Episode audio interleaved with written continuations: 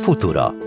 Tudomány és jövőkutatás, felfedezések és eredmények, teóriák és cáfolatok, viták és konklúziók. Futura. Keddenként 9 óra után a nyitányban, itt a Klasszik Rádió 92.1-en. A Futura rovatunk mai vendégen Balázsik Katalin, az Ötvös Lóránt Kutatási Hálózat Energiatudományi Kutatóközpont Vékonyrétek Fizikai Laboratóriumának laboratórium vezetője. Jó reggelt kívánok! Jó reggelt kívánok! Ismét egy nagyon érdekes témával készültünk. Le lehetne nagyon egyszerűsíteni, például azt, hogy mondjuk tojáshéjból hogyan lehet csontot pótolni, de hát azért ez nem ennyire egyszerű, és hogy ne is itt vágjunk bele. Mivel foglalkoznak egészen pontosan a laboratóriumban? Mi laboratóriumunkban körülbelül 30 aktív kutató dolgozik a napokban, ugye ez a létszám mindig változik, külföldi és magyar kutatókkal, hallgatókkal dolgozunk, és három olyan fő vonala van a laboratóriumnak, amit szeretnék megemlíteni. Az egyik az vékony réteg fejlesztés, amiben félvezető vékony rétegeket, például a, a ledekhez kapcsolható bevonatokat fejlesztjük, vagy kemény védőbevonatokat, akár mobiltelefon tokokra fémes bevonatokat vagy ötvözeteket. A másik fő területünk a kerámia és a biokerámia fejlesztés. Ugye itt lett megemlítve a tojáshéjból csontpótló, ez egy kiemelt témánk, de például radarelnyelő anyagokat fejlesztünk, vagy olyan műszaki kerámiákat, amit különféle nagyobb cégek Magyarországon is használnak ilyen sokkáló műszaki kerámiákként, ez a szilícium nitrid.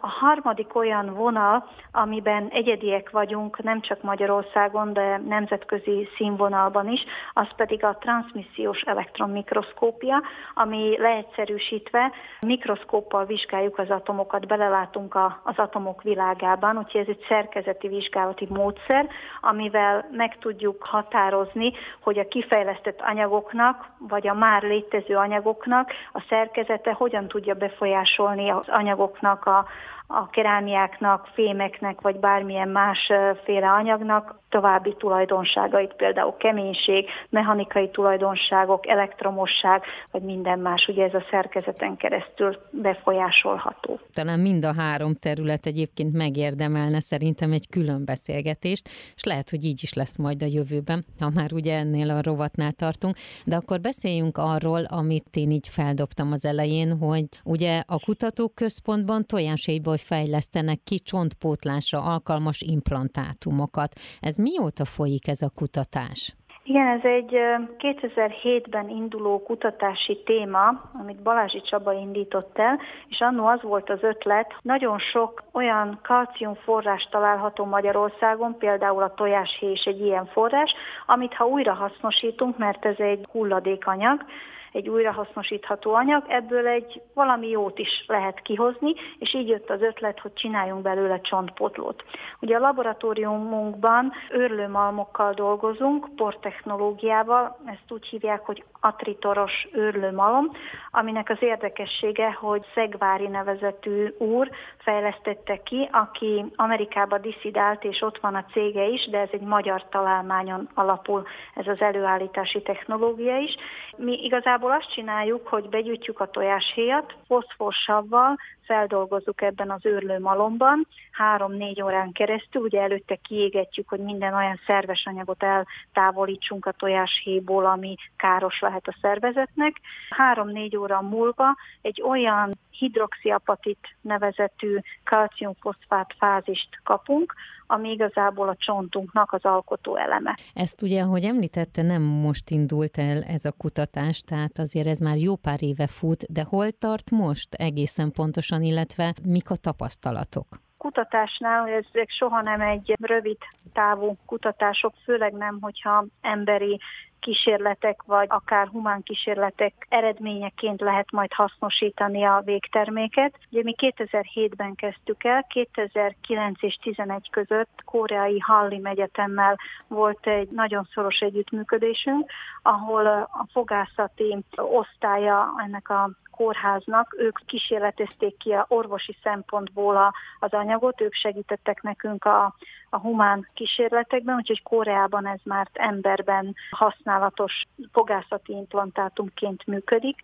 Ugye 2008 és 2013 között pedig a svájci implantátumgyártó, a Matis megkeresett minket konzorcium keretében, egy európai pályázat keretében, egy olyan kéréssel, hogy ők titán, titán alumínium, vanádium, kobalt, króm implantátumokat használnak, de ezeket a test kilökheti bizonyos esetekben, vagy akár beültetés után, vagy akár egy év vagy tíz éves periódusokban. Ezt így egy európai adatbázisban vizsgálták meg az orvosok, hogy ezek a kilöködési idők, és kérték, hogy fejleszünk rá egy olyan bioaktív réteget, aminek a mechanikai tulajdonságai nem érdekesek. Ugye ennél az anyagnál az, hogy ez nem egy kemény, vagy egy uh-huh. olyan mechanikai tulajdonságokkal bíró anyag, mint mondjuk egy titán implantátum, de ennek az a feladata, hogy a beültetés után az első három napban oda vonza a csontsejteket, és nagyon gyorsan elkezdjen csontosodni ez a titán implantátum vagy kobalt króm.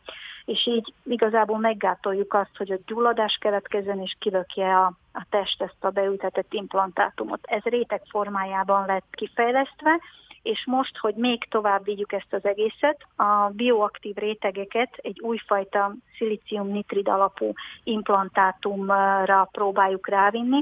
Ugye eddig is az volt, hogy a titán az egy ötvözet, uh-huh. amiben alumínium és vanádium van még hozzáadva a titánhoz, hogy elérjék azt a tulajdonságot, amit szeretnének ezek az ötvöző anyagok, az alumínium és a vanádium már egy órával a beültetés után kikerülhetnek a testbe. A titánnál mondjuk egy 4%-a a pácienseknek mutat allergiás reakció, de ha úgy veszük, hogy világszerte ez egy nagyon nagy szám, akkor már ez is elkerülendő lehet egy újfajta anyaggal. És mi most azon dolgozunk, hogy a általunk kifejlesztett bioimplantátumot, az tojáséból kifejlesztett biokerámiát, most ilyen újfajta szilícium-nitrid porózus csontokat fejlesztünk, és erre vigyük rá, úgyhogy még biztosítjuk azt is, például mágneses térben ezek a titánval ellátott páciensek nem mehetnek be, vagy sípolnak a repülőtéren, ugye még ilyen kellemetlen mellék hatásokat is ki lehetnek küszöbölni. Uh-huh. Úgyhogy ezek most a legújabb trendek, amit a laboratóriumban a kerámia és a biokerámia fejlesztés terén folynak valamiből alkotunk egy olyan dolgot, ami az emberi testnek egy része, az valami egészen hihetetlen, de ez világviszonylatban is nagyon nagy dolognak számít. Ugye jól érzékelem?